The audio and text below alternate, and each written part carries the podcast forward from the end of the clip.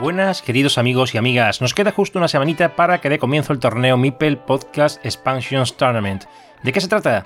Pues como en Carcassonne Spain lo único que no hay es un torneo de expansiones, que ya se ha comentado en ocasiones que se podría hacer, y en la comunidad internacional también he visto que gusta mucho el torneo Single Elimination, he decidido abrir torneo de BGA en este mismo sentido. Pero mientras el torneo mencionado de Single Elimination dispone de 15 días para tus movimientos, y se alarga varios meses, pues la idea es acortarlo. No, no, se puede hacer en tiempo real, pero a una semana por partida, es decir, tres días por jugador, sí que tiene algo más de sentido. Aunque estoy seguro que habrá algún momento en que tocará sentarse en tiempo real cuando coincidas con tu oponente para hacer cuantas más jugadas posibles, porque está claro que son muchas losetas y no se puede hacer un movimiento al día porque no da tiempo, aunque esto también pasa en el Single Elimination y en cualquier otro torneo a turnos. Bien, el registro está totalmente abierto a cualquier persona de la comunidad.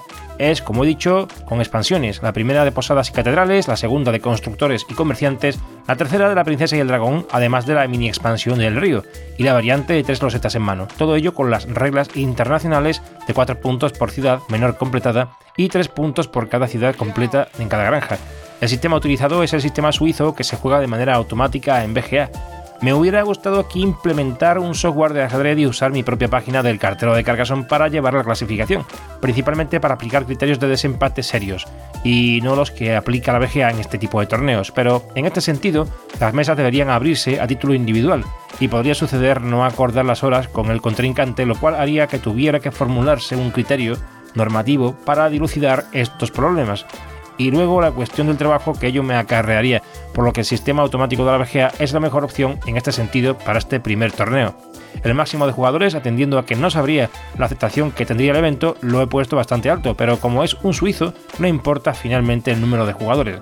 Por otro lado, 8 rondas de suizo dan para 8 semanas, 2 meses de competición. La fecha de comienzo es la medianoche del 1 de octubre, es decir, la noche del sábado al domingo próximo. Hoy estamos a 25 de septiembre de 2023, así que queda muy poquito, escasos 6 días, así que abrochaos el cinturón, que empezamos. Si no te has apuntado, apúntate ya. Tenemos 3 trofeos para los 3 primeros clasificados. El link de acceso al torneo puedes encontrarlo en la página principal de elcarterodecarcason.com. Nos vemos, hasta luego.